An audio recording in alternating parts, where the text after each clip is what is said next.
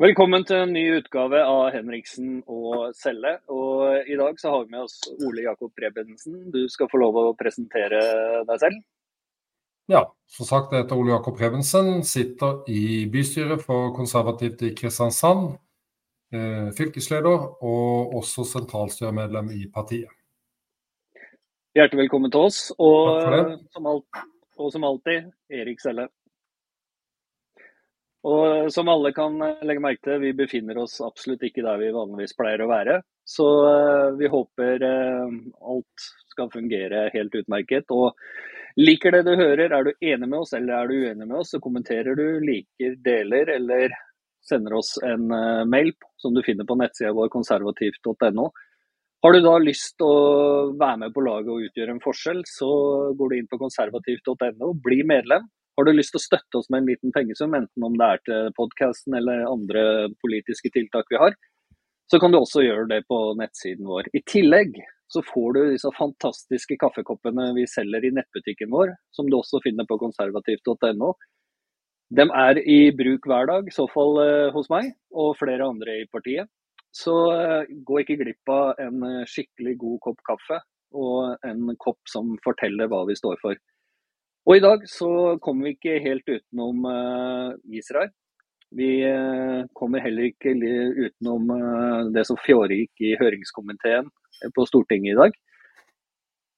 Og det er, det er, så store temaer at vi har valgt å bare forholde oss til disse to temaene her nå i kveld. Og først ut så hadde jeg tenkt å lese litt fra en artikkel Ole Jakob hadde på hadde som innlegg i Fedrelandsvennen. Israel og folkemord. Israels framferd i Gaza blir i flere debattinnlegg i Fedrelandsvennen og i sosiale medier beskrevet som folkemord. Glemt er tydeligvis Hamas og deres barbariske handlinger 7.10. Så hva da med Israels bombing i Gaza? Og så vil jeg at uh, dere andre går inn og leser dette her på Fedrelandsvennen. Vi skal legge linken til artikkelen uh, under videoen når den tid kommer. Men Ole Jakob, hva, hva, er det Du er brennende for Israel, det vet jeg. Og eh, nå fikk du bare nok. Hva var det som gjorde at denne artikkelen eh, bare Nå må vi si ifra at eh, det her går ikke lenger. Ja, Tom. Eh, det som står i ingressen på leseranlegget, handler jo om det som skjedde 7.10, nemlig hva Hamas gjorde. En historisk barbarisk handling, må, vel, må vel kunne påstå. Eh, nå ser vi at ting forandrer seg. Israel nå i skuddlinjen, rett og slett. Og, og, det går rett og slett på bruk av ord som eh, ikke hører hjemme noe sted. Et folkemord defineres i FN-konvensjonen, Genévekonvensjonen og det norske Stortinget har definert begrepet. Og Det er da et folkemord som eh, er tilfelle av drap, andre spesifiserte voldsholdninger, er begått i den hensikt å ødelegge det helt eller delvis en nasjonal, etnisk, rasemessig eller religiøs gruppe som sådan. Og Da ligger det til grunn intensjonen om å ødelegge. Eh, og Ser man litt formelt på dette, her, så, så er dette med intensjonen Det er jo Hamas sin intensjon om å drepe jøder som er det fundamentale i hele den konflikten og den krigen som nå pågår. Hamas-leder Ghazi Hamad har jo skrevet det at vi skal gjenta 7.10 igjen og igjen til Israel er utslettet. Og Det er rett og slett en oppfordring til folkemord. Det Israel gjør, er jo at de har brukt og det mener jeg lytterne må, må tenke litt over. De har brukt tre uker på, før de da rykker inn i Gaza. Og det handler jo ikke om at israelerne er blodtørstige folkemordere. Eh, kravet her er jo fra Israels side, når de går til motangrep, at de skal gjøre alt de kan for å, å minimere skaden på sivile. Eh, folkeretten er klinkende klar på dette. Eh, hvis bombingen som Israel nå foretar er det man kaller forholdsmessig, og de gjør det de kan overfor sivilbefolkningen, advarsler, flygelblad, telefonsamtaler osv. For å forhindre skade på sivile, så følger de faktisk krigens regler. Og Jeg er sikker vi kommer inn på hva Arne Willy Dahl, en tidligere generaladvokat i Forsvaret, har sagt. Men hensikten med folkeretten er jo at, at begrepet som brukes der, er for omfattende. Altså at man bevisst foretar en handling hvor bombing av mål, eh, i den hensikt, som jeg sa innledningsvis, og, og, og, en intensjon om å ødelegge. Og det er jo ikke akkurat det Israel holder på med. Eh, det er forferdelig at, eh, at mange sivile eh, går tapt. Hvor mange av dette Hamas står for, det kommer ikke fram i norsk presse i alle fall. VG hadde jo en artikkel her i, var vel i går hvor de anklaga Israel for å skyte på den eh, rømningsveien som de selv klarer å opprette. Så, så, det skal de sikkert komme tilbake til. Men utgangspunktet for min artikkel er at, at mange politikere, eh, gruppeledere i bystyret i Kristiansand, skriver på sin vegg på Facebook folkemordet som Israel holder på med. Og dette er rett og slett eh, hårreisende. Ikke sant. Ja. Og, og, og det, det, er jo så bra, fordi at det, dette skaper eh, debatt. Ikke minst om hva som er fakta, hva som er sannhet osv. Og så jeg, jeg skal vise dere et bilde, og så har jeg lyst til at Erik forteller litt mer rundt bakgrunnen 'From the river to the sea' eh, nå etterpå. Og dette er da fra en eh, butikk i Oslo. Og vi er tilbake der vi var før eh, første og andre verdenskrig. You are not welcome if you support Israel og Free Palestine. Og, og vi, er, tilbake i en tid, uh, som vi sa under utdanningen på skolen. Aldri mer. Aldri mer var et slagord uh, vi aldri, altså alle, i så fall min generasjon, tok til hjertet når det gjaldt holocaust. Men nå er vi der igjen. Og eh, Erik, fortell litt mer om bakgrunnen til eh, konflikten, og ikke minst eh, det man går rundt i gatene og roper fra venstreradisene. Ja, det er jo en gammel historie i ny klesdrakt. Og det vi har sett i de vestlige hovedsteder og byer etter 7.10, det er eh, ganske sjokkerende. Det er, eh, det er fascistene marsjerer igjen i gatene. Jødehatet er i full blomst igjen. Det var ikke mye som skulle til. Eh, og det sjokkerende som folk bør tenke over, det er jo at jødehatet eksploderte etter at jødene var eksponert for den verste massakren i manns minne. Det har aldri før blitt drept så mange jøder på én dag siden holocaust. Uh, og jeg har skrevet en artikkel nå som kommer bl.a. I, i, i dagen, hvor jeg skriver litt om uh, dette her. Israel ble jo tatt veldig på sengen, og det er, tror jeg, delvis fordi Eh, Hamas eh, justerte litt på ordlyden i charteret for noen år siden. Og har lagt veldig lavt det siste året mens Islamic Jihad har skutt raketter inn i Israel. Eh, og eh, så angrep de, som i 1973, eh, Jom Kippur-krigen, på en av Israels absolutt eh, helligste dager. Eh, og charteret til Hamas, Hamas sin målsetning, det er å drepe jøder og fjerne Israel fra kartet. Det, det er målsetningen deres. Eh, de har ingen eh, målsetning om en tostatsløsning. De har ingen målsetting om fredelig sameksistens. De sier i, i sitt charter at dette er en religiøs krig. Eh, og de sier at eh, Det hellige land er vakf-land. Det betyr i islamsk teologi at et territorium som en gang har vært under muslimsk styre, alltid er eh, muslimsk territorium som eh, de plikter å ta tilbake.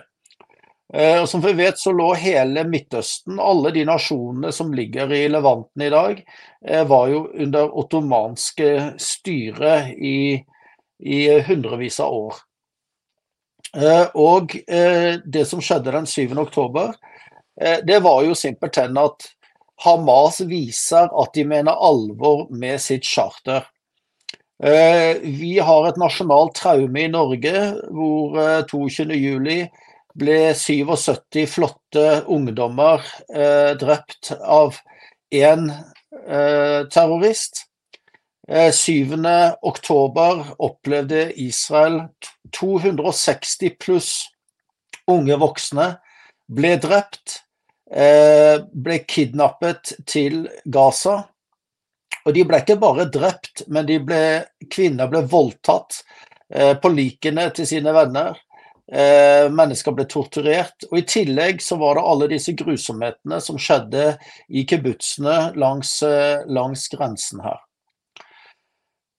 Eh, så skulle man tro at med kampen mot IS bak oss, det vi ser av Boko Haram i Nord-Nigeria, skulle gi mennesker som bor i Vesten, en felles forståelse av at vi måtte bekjempe IS, og vi må bekjempe Hamas. Men istedenfor så ser vi venstresidens eh, politiske ledelse sammen med ekstreme innvandrere trampe rundt i gatene i Vesten og rope 'Palestine shall be free from the river to the sea'. Og det kampropet, det burde være forbudt. Det burde utløse hatparagrafen. Når man roper eh, 'fri Palestina' fra elven til havet, så tilsynliggjør det at man ønsker å bygge en stat på ruinene av Israel. Man ønsker å bygge opp under folkemordet mot Israel, og man ønsker staten Israel fjernet at man får lov til å rope det i gatene. At det blir lov å arrangere, gjennomføre arrangement hvor man vet at ikke bare blir det ropt, men det står på plakater uten at politiet griper inn. Med den hatparagrafen som vi har fått i straffeloven, så viser jo det vår advarsel mot den loven, at det er en politisk lov som anvendes politisk selektivt. Eh, Israel har ikke noe annet valg. Eh, tostatsløsningen er død. Den ble tatt livet av den 7. oktober. Og eh, befolkningen i Sør-Israel som har bodd Husk på at Israel de har utnytta hver millimeter av landet. Det er landbruksområder som ligger helt inntil grensen på Gaza. Og disse menneskene har bodd noen hundre meter fra en dødelig fiende i visshet om at de var trygge. Den vissheten har de ikke lenger. Og det er ingen stat i verden som kan tillate en aktør som Halmas å overleve etter dette. Så har du den situasjonen. I tillegg så er det altså et ukjent, men tentativt 250 gisler i Gaza. Og vi så eh, bilder av hvordan sivilbefolkningen deltok i mishandlingen av disse gislene. Eh, vi vet det var massevoldtekter, vi så likskjending. Eh, vi så innvandrere, folk fra Thailand som jobber i landbrukssektoren, eh, som ble mishandlet. Og de grusomhetene, de bestialitetene som Hamas utførte, det Jeg tror nesten ikke vi så det knapt fra IS engang. Eh, så bruker da Hamas sivile som skjold. De, bruker, de gjør sykehus og skoler og sivile bygg til legitime militære mål. Hovedkvarteret er under Shifa-sykehuset i Gaza. Underover-skolene brukes som operasjonsområder og lager. Eh, og det er ingen som eh, Det er ikke en her i verden som går til så drastiske skritt for å beskytte motstanderens sivilbefolkning.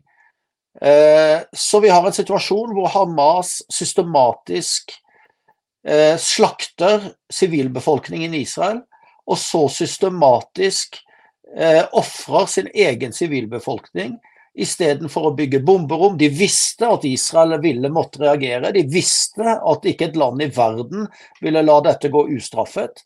De har kilometer på mil på mil med godt eh, beskyttede tunneler.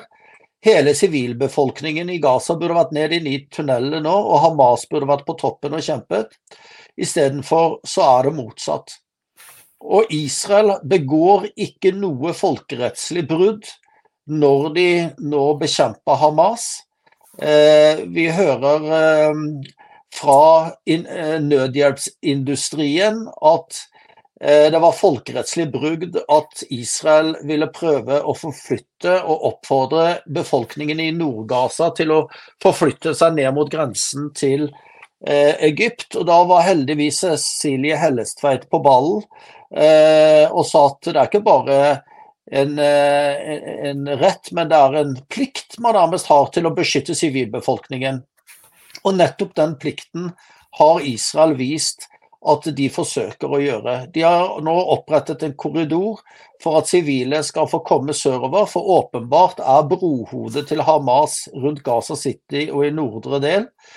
Eh, og eh, Hamas har selv eh, hindret sivilbefolkningen å ta seg ut av de områdene hvor de vet at Israel må slå til, for Israel vet hvor de er.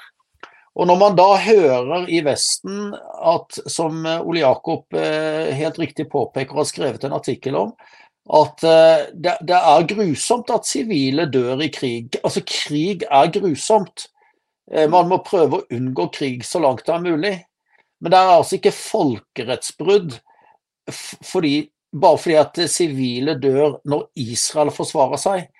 Jeg har ikke sett Palestinakomiteen og resolusjoner i FN Eh, når det har vært andre store lidelser i denne regionen, på samme måte som det utløser et raseri åpenbart når Israel er så frekk å forsvare seg. Men Israel vil ikke overleve som nasjonalstat hvis ikke Hamas nå blir fjernet. Og Det man skal legge merke til, det er at når røyken legger seg og Israel har fjernet Hamas, så vil den arabiske verden trekke et lettelsens sukk. Og vil, den som er gladest for det, det er eh, Mahmoud Abbas oppe i Ramallah, som tapte valget mot Hamas i 2007. Og hvorfor er det ikke noen politiske partier i Gaza? Har noen lurt på det? Fordi Hamas begynte å kaste Fatah-folk ut av hustak og torturerte dem, så de rømte Gaza hele gjengen. Eh, så du er faktisk ikke palestinavenn hvis du i dag går og roper 'fri Palestina' fra elven til havet. Du er ikke palestinavenn hvis du i dag roper og stiller krav som gjør at Hamas eh, kan beskytte seg og dra ut denne krigen. Fordi det er ikke mulig eh, for noen at Hamas eksisterer når denne krigen er over. Eh, og så enkelt er det.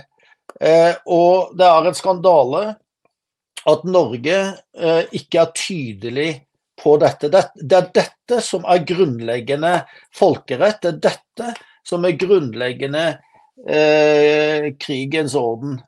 Eh, og alt hat i verden, all fortvilelse som vi alle deler over sivile som lider og dør, det ansvaret ligger faktisk på Hamas. Og Vi diskuterte jo dette litt i forrige podkast også, der vi ramsa opp Norge sammen med Nord-Korea, Kina og en del andre land som vi ofte ikke vil identifiseres med når det gjaldt FNs resolusjon, eh, der Norge gikk inn og støtta eh, Palestina. Og, og igjen, altså Dette her minner meg rett og slett om eh, at vi er tilbake vi er tilbake langt i tid. Og, og Ole Jakob, eh, i bystyret deres så klarte du å få et minutts stillhet, gjorde du ikke?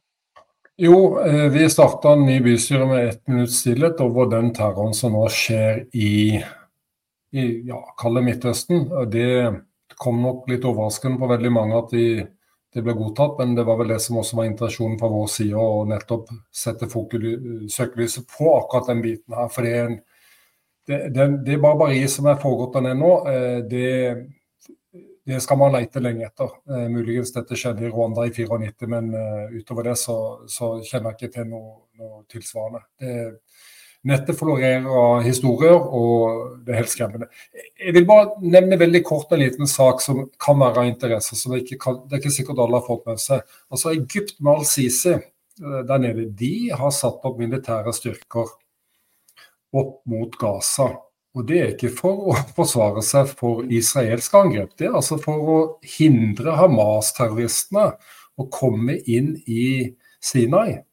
Eh, og, og, Stiller man spørsmål og snur litt på dette, hvor mange land er det som ønsker Hamas-krigerne inn i sin territorium? Null.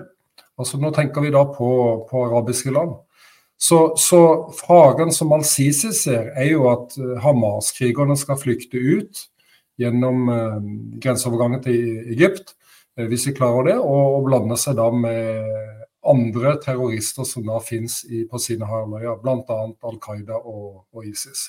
Så dette er jo ikke bare en Hamas er jo ikke bare en trussel overfor Israel, men det er faktisk, slik Al-Sisi ser det, også en trussel mot Egypt. Eh, kommer sjelden fram i norsk media, om i det hele tatt de gjør det. Så eh, det er utrolig mange forhold som vi kan snakke om når det gjelder eh, dette. Men jeg er veldig opptatt av dette med, med hva sier folkeretten om de angrepene som, som Hamas foretok, og, og, det motsvaret som nå Israel kommer med. Det, det, er ingen tvil om hvor ansvaret ligger hen. Eh, veldig kort kan jeg også nevne dette med siviles rettigheter. Vi, vi, vet at Hamas bruker uh, sivilister som skjold. Eh, og Israel har brukt alle midler for å eh, informere eh, sivilbefolkningen om at nå kommer det angrep på, på bygninger og i områder. Så vet vi også det at, at dersom sivilbefolkningen, sivile i Gaza, ikke etterkommer forespørselen fra Israel, så kan de, de kan miste retten under beskyttelsen i folkeretten og bli betraktet som militærpersonell. Det samme gjelder da når Hamas nekter de å dra fra trekke server langs de åpne rutene som har, har vært og eksisterer den dagen i dag. Så, så, så, er det altså ikke FN sitt ansvar, som Hamas påstår, å ta vare på de sivile. Det er Hamas sitt eget ansvar. Noe de bryr seg katta om. Så vi må få litt balanse i, i, norsk media, men det, det, ser vi veldig tydelig at det, det eksisterer ikke. Nå er det slutt. Ja, altså En annen ting er jo at det er jo en totalt manglende kritisk distanse i norske medier. Altså Når de siterer eh, eh dødstall og skaddetall fra Gaza i dag, så henviser de til helsemyndighetene i Gaza. Eh, myndighetene i Gaza er Hamas. Eh, sånn at, eh, og Vi så jo det når Israel ble beskyldt for å treffe sykehuset og det kom ut 500 døde. Vel, vi har aldri sett de 500 døde, og så viser det seg at det er en Islamic Jihad-rakett som går feil og eh, eksploderer på parkeringsplassen på, på utsiden. Eh, altså, Vi har jo så mye på en måte verifiserte data på eh, hvor, eh, hvor falsk disse nyhetene er. Altså, Det minner meg jo om Eh, dekningen fra 2006, Libanon-krigen, hvor eh, eh, han Fredrik Grøsvik. Grøsvik rapporterte fra libanesisk side i krigen. og Jeg satt de første kveldene og lurte på hvordan kan du få til det. Og så etter hvert så kommer det frem at han var på organisert tur med Hizbollah eh, og rapporterte. Eh, ikke sant? Så det, det er jo eh, De redaktørstyrte styrte mediene er jo ikke lenger til å stole på i det hele tatt. Eh, og som sagt, eh, Israel er den mest moralske hæren i hele verden. De sender SMS-er til folk i sivile bygninger før de angriper, for at de skal få komme seg i trygghet. De har institusjonalisert det som heter roof knocking, altså at de eh, sender en tom eh, rakett på, på taket, sånn at eh, det blir lyd og støy og trykk, så folk skjønner at neste gang så kommer raketten på ordentlig, så de kan komme seg ut. Vi har jo verifiserte videoer hvor vi ser Hamas Islamic Jihad drive rakettutskyting med kvinner, barn og sivile stående rundt utskytningsrampen. Eh, vel vitende om at eh, det kommer et svar fra Israel rimelig prompte. Så eh, den kyniske, den kyniske mm, håndteringen av egen sivilbefolkning, det er ikke noe vi i Vesten klarer å ta inn over oss, for det er så fjernt fra oss at man klarer nesten ikke tro det er sant. Eh, og da blir det Det, det blir eh, ja, Jeg er vi har 30-tallet på nytt i gatene. Fascistene går i gatene. Eh, I Los Angeles ble en eh, mann nå drept eh, av såkalte palestinavenner. Eh, I Oslo så er det store politistyrker for å sikre den ene eh, MIF-markeringen til støtte for Israel, ikke til støtte for, for menneskers lidelse, men for støtte til Israels rett til selvforsvar som alle sier at de har, men når de utfører den, så skal de plutselig stoppe med det. Eh, jeg har ikke sett eh, noen store voldelige trusler mot eh, Palestinakomiteens arrangementer.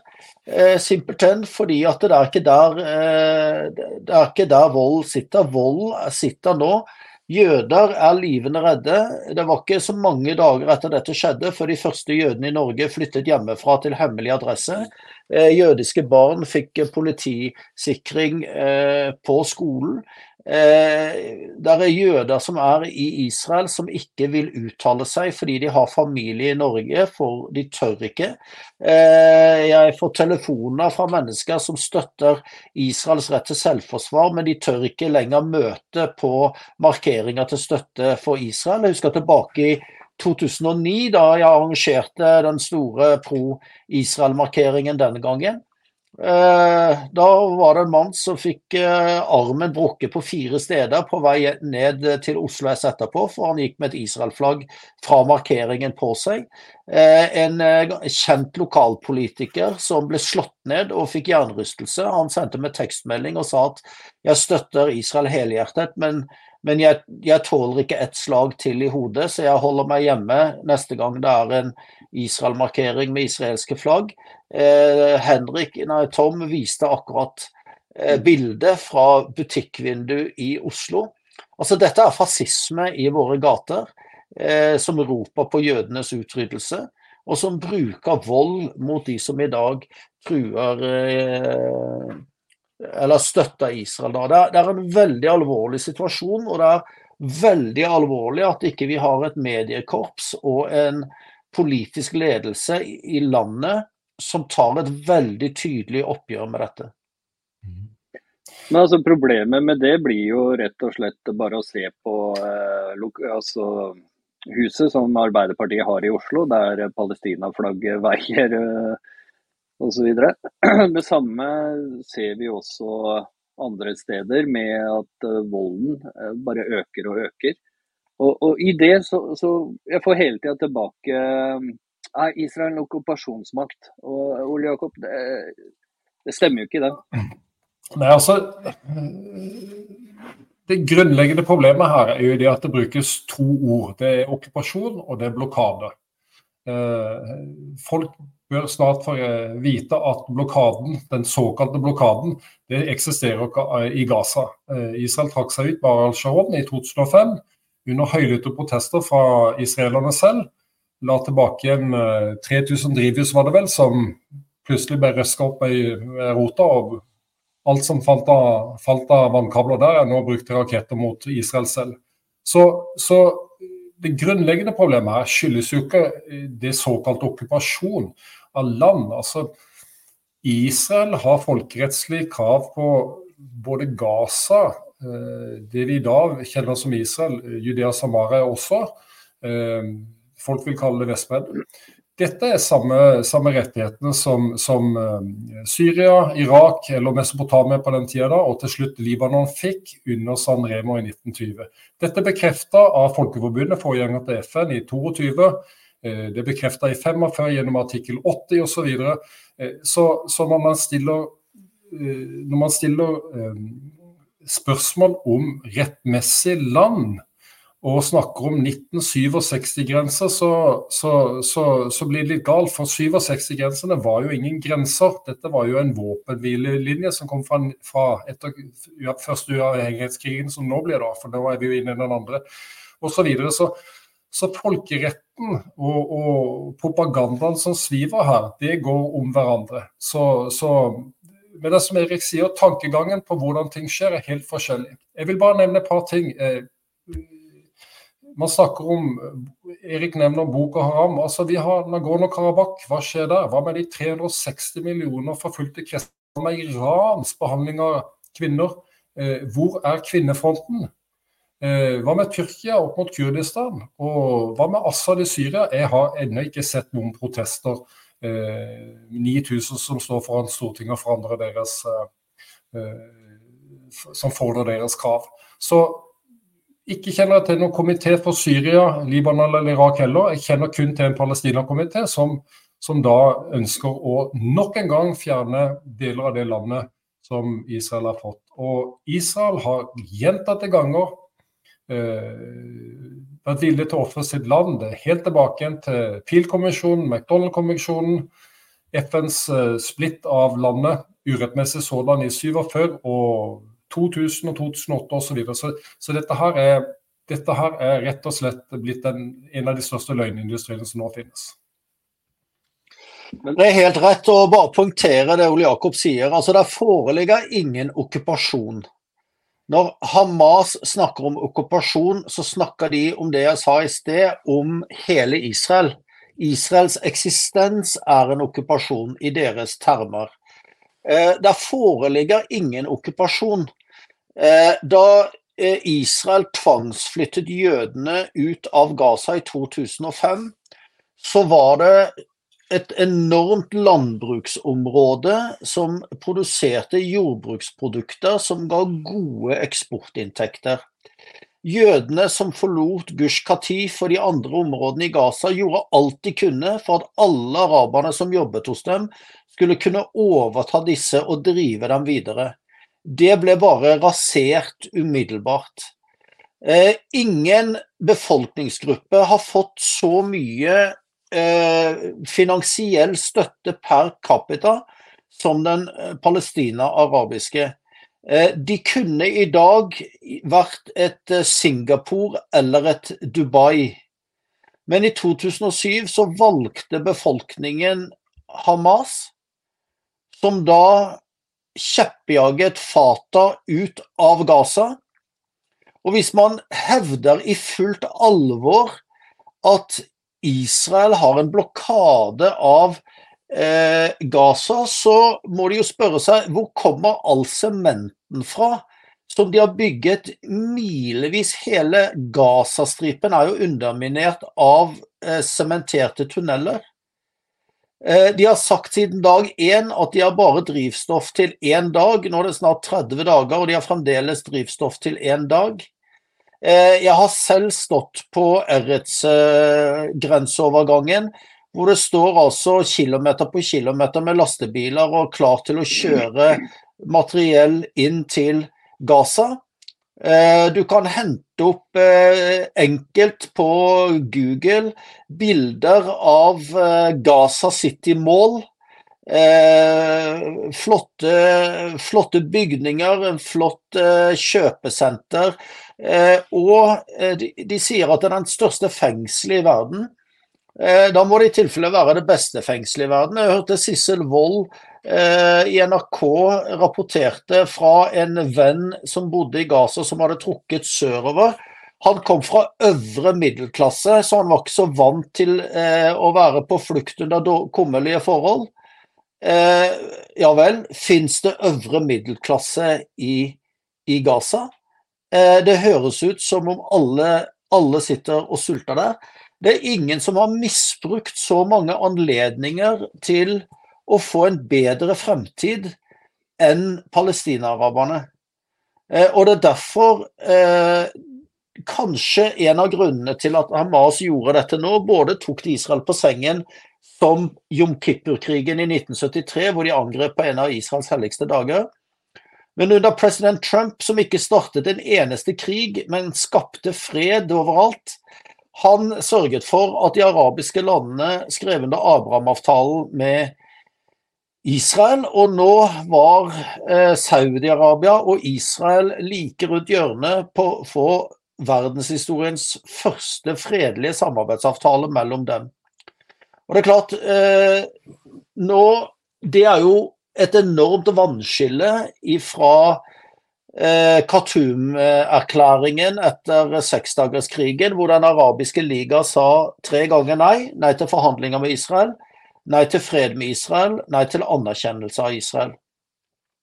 Nå anerkjenner de Israel, de ønsker fred med Israel, og ikke bare det, men de ser på Israel som en sikkerhetsgarantist i regionen for et terrorregime i Teheran.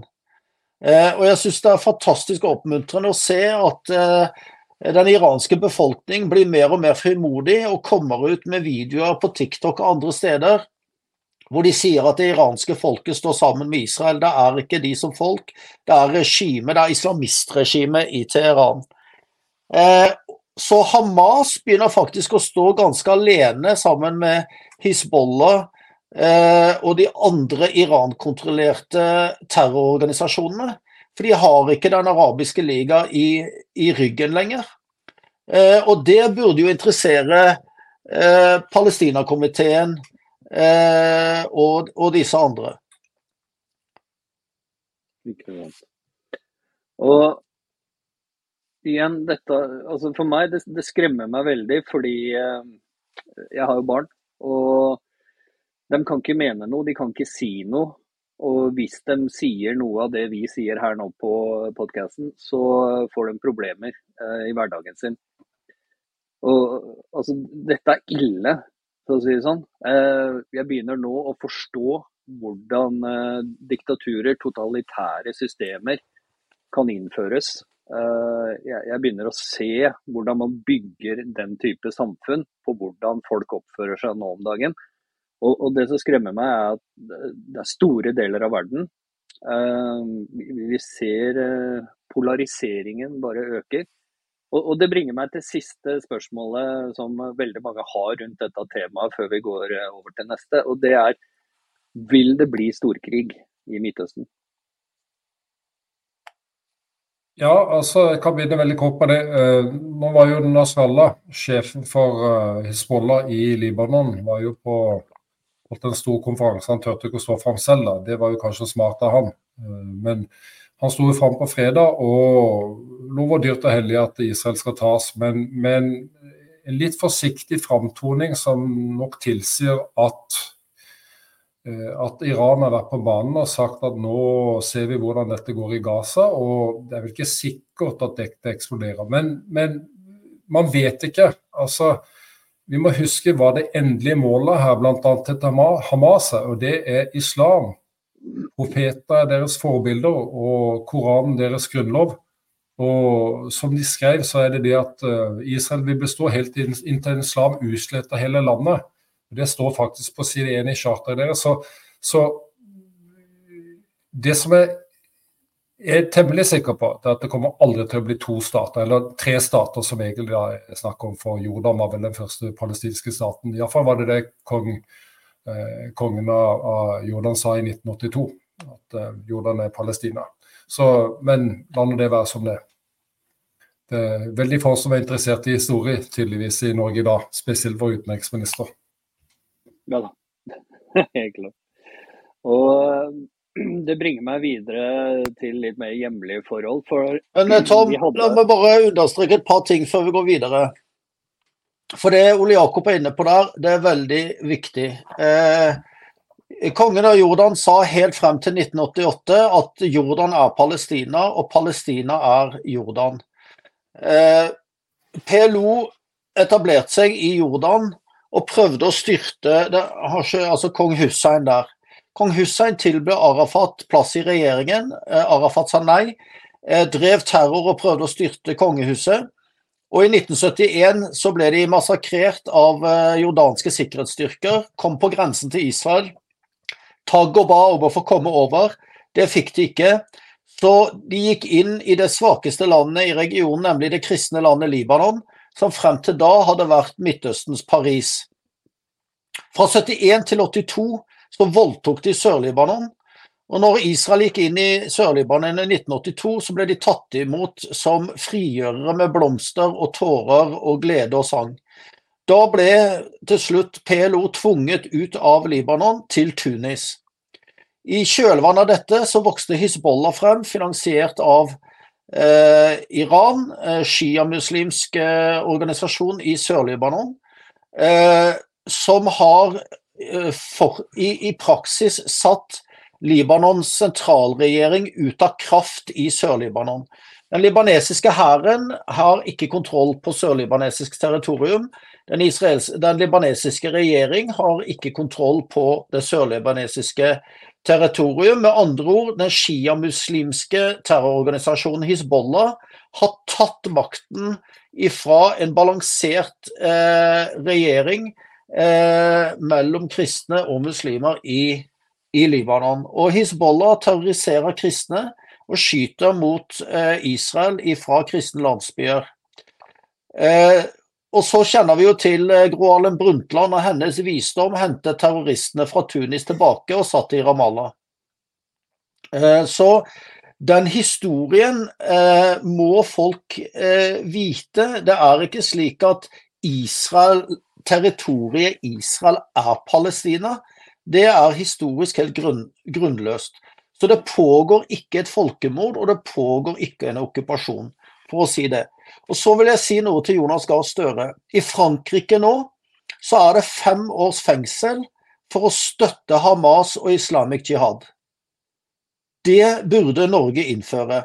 I Tyskland og Frankrike er det nå forbudt med propalestinske eh, demonstrasjoner, fordi de tillater ikke fascismen som infiltrerer Eh, disse demonstrasjonene, og de er så tydelige at disse demonstrasjonene er i praksis pro-Hamas-demonstrasjoner. Det er free, eh, 'Palestine shall be free from the river to the sea'.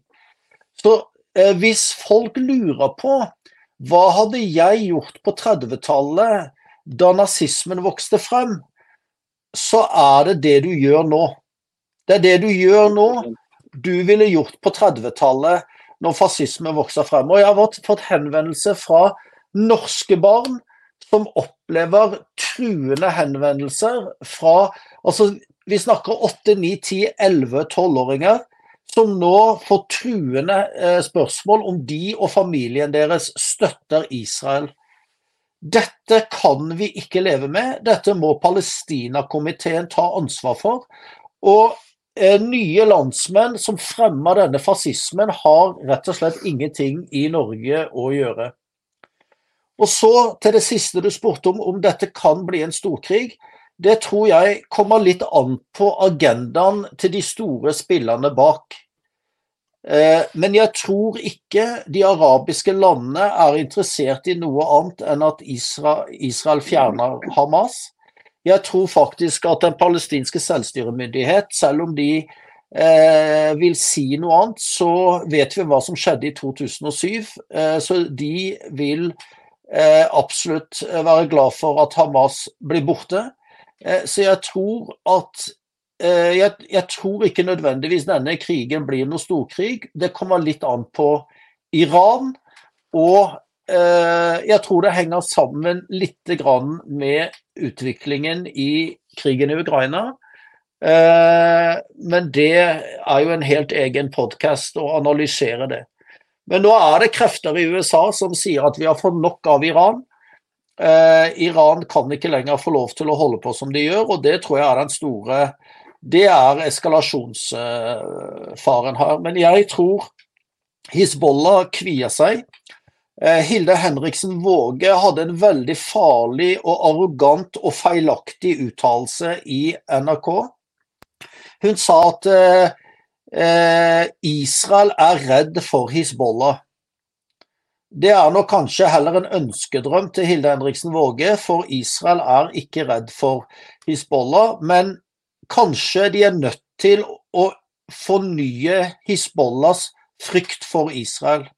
For det man skal huske på, det er at Israel har våpenmakt nok til å virkelig legge dette dødt. Men de gjør det ikke nettopp fordi de holder sivile liv så høyt. Og Hvis man går tilbake til f.eks. Eh, terrorsituasjonen da Islamic Jihad hadde befestet seg i Jenin Jeg anbefaler alle å gå inn på Amazon og kjøpe boken som heter 'A Salm in Jenin'. Da visste Israel hvor disse Islamic Jihad-gutta var. De kunne gjort det som USA og Russland og Kina og alle andre ville gjort, og tatt det med større kanoner, litt fra luften og artilleri. Men de gikk fra gate til gate for å spare sivile liv i Jenin.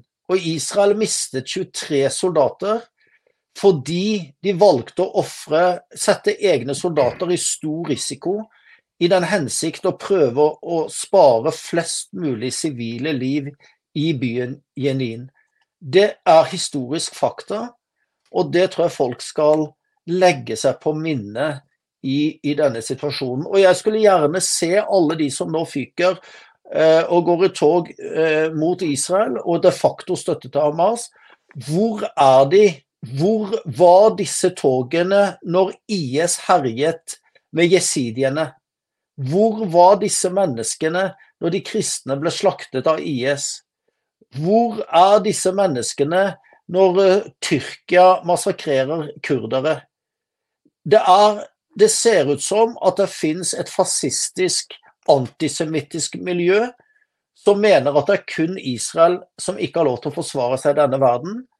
Og det kan vi simpelthen ikke akseptere. Vi kan ikke tie stille, for da har vi tapt vår frihet i Vesten. Og det kanskje mange ikke har fått med seg, er at det også har foregått et enormt eh, overgrep mot befolkninga i Darfur de siste dagene fra islamister. Og eh, det er rystende bilder som kommer ut derfra. Men uh, vi hører ikke noe om det, vi ser ikke noe om det. Vi hører ikke noen komiteer på venstresiden rope ut om dette her. det er veldig selektive, denne venstresida, det må jeg si. Det, det, det, er skuffende, rett og slett. Og det forteller meg bare at engasjementet deres for det de står og sier, er bullshit, for å si det rett ut. og jeg har mista helt troen på alt de kommer med i det siste. og igjen, uh, man er veldig selektivt i hva man uh, står for, ønsker å stå for, og hvilke verdier man har. Yes, Erik. La meg få anbefale boken til Torkil Brekke om antisemittismen på venstresiden. Den er det kanskje tid på å kjøpe og plukke frem, for det er det vi ser det, det vi ser åpenbares for oss nå. Ja. Og akkurat i dette momentet her sånn, så passer det å gå inn på dagens uh, andre tema. Uh, Erna og uh, mannen hennes de har jo da vært gift i veldig mange år, og Erna har jo hatt en del betydningsfulle stillinger i Norge, som alle vet. Og Det viser jo seg at mannen til Erna har vært ekstremt dyktig på aksjemarkedet. Han har truffet bedre enn de fleste andre aksjeanalytikere vi kjenner til i Norge. Men det skyldes så klart ikke innsideinformasjon. Eh, det har Økokrim slått fast. Eh, det viser seg også det at eh, en stakkar analytiker som tjente seg 40 000 kroner fordi han hadde overhørt en samtale, nettopp har blitt dømt til seks måneders fengsel. Men så klart det viser seg at man ikke er inhabil så lenge man er en vel likt politiker i Norge, som også foregår i en del andre land. Og i dette her, forlengelsen av dette her, så har Stortinget hatt høringer i dag. Jeg har fått med meg bitte litt av Erna. Eh, første og andre, og bitte litt eh, av Støre. Eh, ikke noe nytt, bare masse bortforklaringer. Men, men eh, Ole Jakob, hva, hva var dine tanker eh, rundt hele denne saken?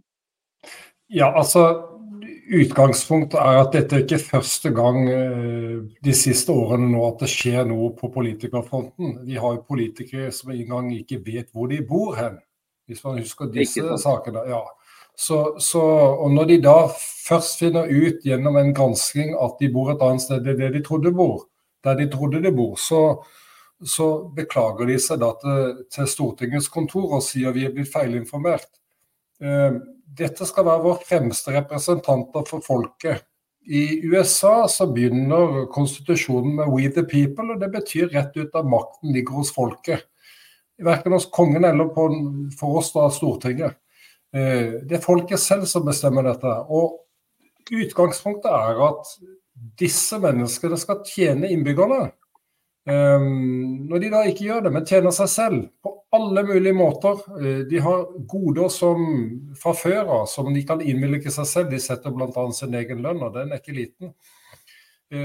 Masse andre frynsegoder som, som vanlige arbeidere og funksjonærer ikke får. Så, så utgangspunktet er at de skal være særdeles forsiktige med både habilitet og med hva de uttaler seg om når det gjelder eh, fremgangsmåten de har gått. Eh, her er det bare en haug av bortforklaringer og viser eh, ansvarsforskrivelse osv. Dette store var jo når Stoltenberg selv gikk ut og sa 'jeg tar ansvar, jeg blir sittende'. Og Den er blitt sittende igjen som en stor sak i de årene siden han var statsminister. Jeg, jeg, syns man skal være litt mer åpen og si at uh, tar man ansvar, så betyr det at man faktisk tar ansvar. Det lærte iallfall jeg i Forsvaret, og da, da, må man gå. Men det er tydeligvis at her uh, får man gjerne et opprykk. Ikke sant. Og ja. Erik, et, et, annet spørsmål. Jeg satt og hørte disse her, så sier de eh, det at alle statsråder og rådgivere blir ikke sikkerhetsklarert. Og eh, det, det, vet du hva, jeg, jeg, reagerte så mye at jeg, jeg må spørre deg, fordi du, du, er en del lignende på Stortinget og møter disse menneskene. Altså Her sitter folk og får vite om hemmelige operasjoner, og jeg har aldri vært sikkerhetsklarert på noe som helst måte. Mens hvis en stakkar skal inn i militæret i Norge og kanskje sitte på, med radioen på en øvelse, så må han sikkerhetsklareres hemmelig. Eh, altså, er, dette virkeligheten? Altså, er dette i demokratiets interesse? Da vil jeg henvise til uh, murens fall i 1990 uh, eh, og Stasi-arkivene som ble åpnet. Hvor det er kjent at det er uh, norske navn i Stasi-arkivet som tjente Sovjetunionen under den kalde krigen. Eh, og salige Berge Furre i SV klarte jo å få stanset eh, granskingen av eh, dette. Vi fikk aldri frem hvilke navn som var i det arkivet. Eh, og det viser jo litt eh, at vi har en del å gjøre, og vi har en ryddejobb å gjøre i vårt hjemlige demokrati. Eh, det er klart at Tilbake til det som skjer i, i dag. Eh, Eh, hvis, eh, hvis, jeg har fått dette rett, så var sjefen for Økokrim statssekretær til Huitfeldt og ble utnevnt av Erna Solberg. Stemmer det. Eh, for det første så lurer jeg på, fins det ikke gode kandidater til å være sjef for Økokrim utenfor det politiske miljøet? Det, det, er jo ikke, det er jo ikke akseptabelt at alle de store eh, hva skal vi si, eh, nødhjelpsindustrien og alle de store støttefunksjonene i samfunnsstrukturen vår befolkes av den samme lille elite. Eh, og når vi vet at det er flere næringslivsledere som har fått ganske tunge straffer på tilsynelatende mindre, altså i en veldig streng innsidehandellovgivning, Eh, så ser jeg jo bare at Eva Joly sier i dag at eh, det er jo en skandale at Økokrim ikke engang etterforsker om det var innsidehandel på ektemannen til statsministeren eller til utenriksministeren, for den del. Eh, og når du, når du har altså statsråder som har utnevnt sine venner i beste stillinger, og den ene statsråden må gå, men den andre nestleder i Arbeiderpartiet og statsministeren prøver å forklare oss dødelige hvor stor forskjell det er på disse eh, sakene. Jeg klarer i hvert fall ikke fatte eh, den store forskjellen. Eh, så er det klart at du begynner å se konturene av det vi liksom litt har omtalt som en elite som lever i sin egen verden. Det er, det er faktisk sant. Eh, de lever faktisk i sin egen verden. Og det er klart at når du når i, eh, i, denne granskingskomiteen på Stortinget sitter en tidligere statsråd som måtte gå fordi han ga penger til sine egne venner, så, så er jo på en måte sammensuriet komplett. Og så har de nå strammet inn slik at ved neste stortingsvalg så kan du ikke verken krysse eller stryke på stortingslisten. Det betyr at det samme lille miljøet presenterer for velgerne et fait accompli.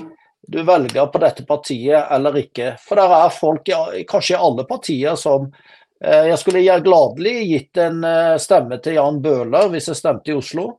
Eh, som en slenger. Det finnes eh, gode og dårlige folk i alle partier, og det finnes mennesker vi har ulike vurderinger på hvor, hvor, mye tillit vi har til. Og Det er klart det er et helt grunnleggende problem at stortingspolitikerne har fjernet muligheten som velgerne har til å stryke og krysse på stortingslisten.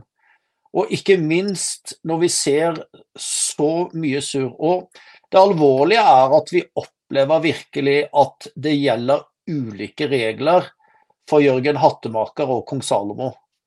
Eh, og det er ødeleggende for partiet. Vi har akkurat EØS-skandalen bak oss, hvor eh, det sitter altså folk i fengsel og får dyre bøter for eh, den minste Nav-feil, som de kanskje til og med ikke er skyld i selv engang. Eh, og så sitter vi nå og ser at eh, man klarer, Etter mine begreper så klarer man ikke å, å, rydde opp på en betryggende måte. Og så har man i tillegg fjernet muligheten for velgerne til å krysse og stryke på enkeltpolitikere. Og Da er vi tilbake til det at det velgerne faktisk egentlig har. De har kun muligheten til å stemme på nye partier hvis du ønsker et skifte i politikken. For de som sitter på de stortingslistene som er bestemt nå, de, deres fremste egenskap er å sitte stille i båten og være populær i eget parti.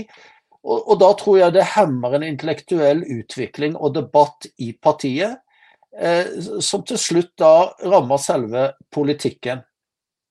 Og vi sitter altså i et land med olje og gass eh, og vannkraft eh, opp etter øra Eh, vi har akkurat snakket mye om Israel. Eh, vi sitter med melk og honning så det flyter etter. Og allikevel så har vi den eh, svakeste kronekursen i min tid. Vi har konkurser, vi har namsmannen, vi har inflasjon, vi har renteøkning. Altså hvordan klarer man å vanstyre et land med et så godt utgangspunkt?